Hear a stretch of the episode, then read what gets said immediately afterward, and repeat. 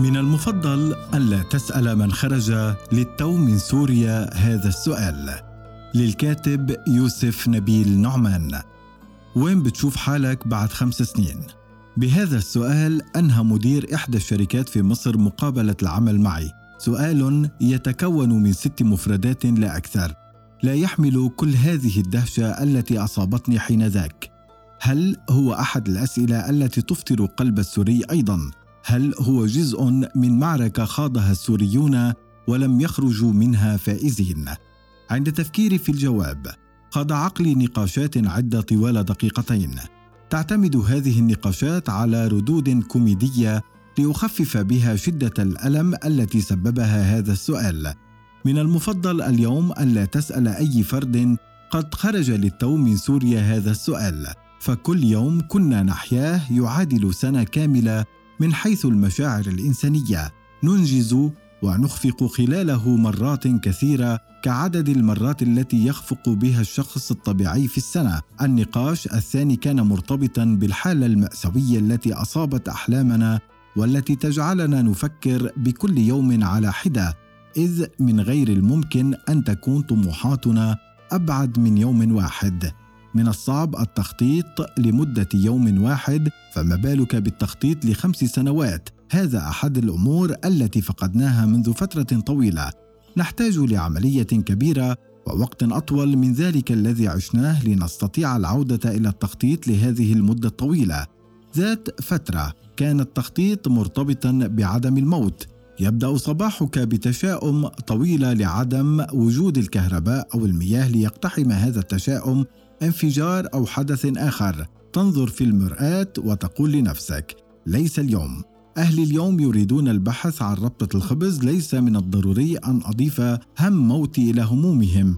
في دمشق تخرج من المنزل لتأخذ من شرفات المنازل غطاء لك من كل القذائف بينما المدن الأخرى كانت تحاول جاهدة أن تخفي نفسها من كل البراميل التي ألقيت عليها. كانت هذه الحرب بمثابة اختبار حقيقي لقدرتنا على النجاة. أسلوب الهروب من الموت كما لو أنه اختصاص أكاديمي نريد اكتسابه. عندما تنظر اليوم إليه تجد أن هذا الاختصاص لا يمكنك التصرف فيه في أي مكان تقصده إذ يبدو أنه اختصاص محلي الصنع. تعود لتستيقظ اليوم في بلد آخر لا يحوي الشتائم ولكن هنالك وجودا لفكرة أنني لا أريد أن أضيف إلى أهلي سببا اخرا للاكتئاب. لذلك يجب علي أن أبتسم. تصبح في لحظة ما مشاعرنا الإنسانية تردم في حفرة كبيرة لعدم قدرتنا على البوح بها إلى أي أحد من أصدقائنا. فالوحدة في الغربة أمام الجوع هي أمر بسيط جدا. عدم الأمان أمام الفقر شعور سطحي لا يجب عليك أن تبوح به. نحن أفراد نتباهى بمعاناتنا أكثر.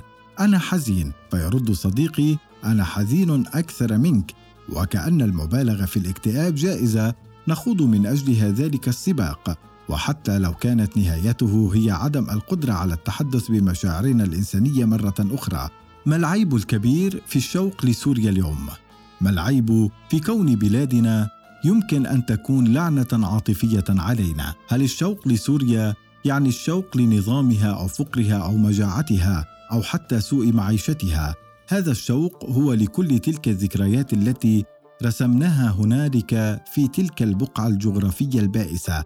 كان من الممكن أن نولد في أماكن أفضل نقرر فيها حياتنا وننفصم بها عن واقع البلاد الفقيرة. كان من الممكن أن أجيب مدير العمل خلال المقابلة بأنه خلال الخمس سنوات الماضية لم أرى إلا أحلام والدي قد تحولت من تأمين الحياة المثالية لي والاستمتاع بحياته الباقية لتصبح متعلقة بما يمكن أن يتم تناوله يوميا على طاولة الغذاء أن تتحول عناوين أحلامك من النصيب هذا الذي كان سيظهر لكل مجتهد لتصبح مرتبطة بالكثير من العوامل التي لم تكن تخطر في أي وقت كحلم بل كانت سهلة الوصول بشكل كبير. كما كنت أجاري كل شخص خرج من بلادي في فتراتها الأولى وأستمع لمشاكله التي لا ترتقي إلى ما أعانيه يوميا. أحاول اليوم أن أجاري مشاكلي وأحلها بشكل فردي ودون أن أقدم اثرها السلبي لأي فرد داخل بلادي. بعد مرور خمس دقائق من سؤال مديري لي قلت له إنني أرى نفسي مكانه أجري هذه المقابلة مع شخص يسعى ليكسب الوظيفة. عملت بنصيحة صديقتي بأن أتخلى عن كوني سوريا وليد المعاناة السلبية. ولكنني كسوري لن أستطيع ابدا نسيان ما مررت به. عند الانتهاء من تلك المقابلة وقبل أن أخرج من المكتب قلت له عمرك لا تسأل سوري خرج للتو من سوريا. أين ترى نفسك بعد خمس سنين؟ لأن هذه الجملة كفيلة بأن تضعه في سوريا من جديد.